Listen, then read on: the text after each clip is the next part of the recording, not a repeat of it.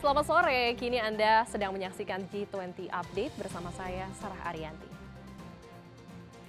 Lalu kita akan melihat bagaimana situasi presidensi G20 di Nusa Dua, Bali saat ini. Kita sudah bergabung bersama korespondensi CNN Indonesia, Sufiani Tanjung di sana. Selamat sore Sufi, ini apa saja highlight atau rangkuman dari agenda penting yang dibahas KTT G20 di hari pertama ini? Ya, selamat sore Sarah. Hari ini memang betul sekali hari pertama di mana KTT G20 digelar dan untuk hari ini sendiri terdapat sekitar 15 working session di mana membahas tema pertama yaitu food and energy, security and global health infrastructure.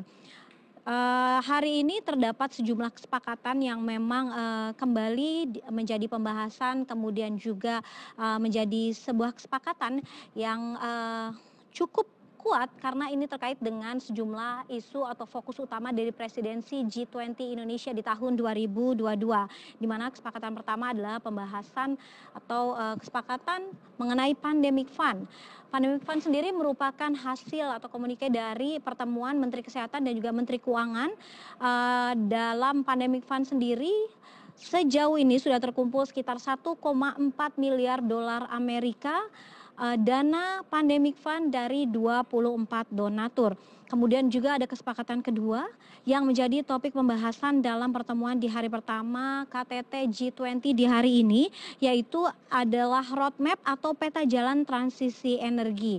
Kedua poin ini menjadi bukti bahwa presidensi Indonesia di tahun 2022 ini yang disebut oleh banyak pihak sebagai tahun tersulit memegang presidensi G20 dengan situasi geopolitik yang uh, tengah memanas serta kondisi perekonomian global yang tengah terancam krisis atau resesi global sendiri uh, bisa muncul dan menguat bahwa presidensi Indonesia bisa mencapai sejumlah kesepakatan.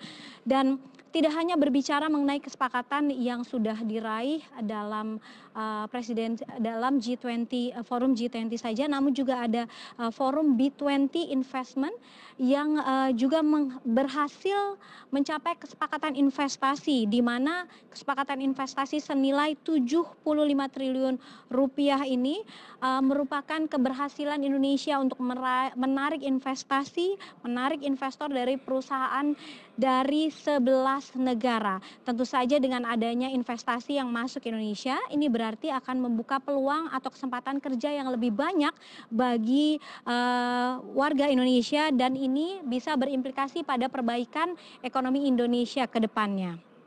Dan salah hal yang menarik di hari ini adalah tidak hanya adanya 15 working session yang uh, digelar dan sebentar lagi akan berakhir, namun uh, nantinya akan digelar gala dinner di mana Presiden Jokowi akan mengundang kepala negara anggota G20 untuk menikmati menu makan malam di GWK uh, di Garuda Wisnu Kencana. Lokasi tersebut uh, merupakan salah satu tujuan wisata yang berada di Bali, namun karena uh, akan disiapkan menjadi lokasi lokasi gala dinner uh, pada hari ini, maka lokasi wisata GWK ini sudah ditutup sejak hari Minggu 13 November lalu.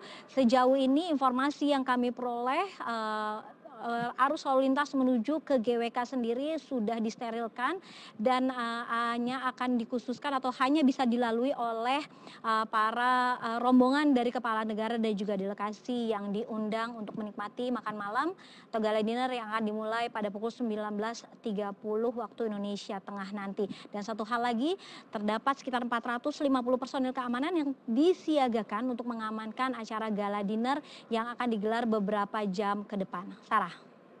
Berarti memang hari pertama dari G20 di Nusa Dua Bali ini diakhiri oleh gala dinner di GWK nanti pada pukul 7.30 malam nanti ya. Baik terima kasih Sufiani Tanjung korespondensi CNN Indonesia yang melaporkan langsung dari Nusa Dua Bali.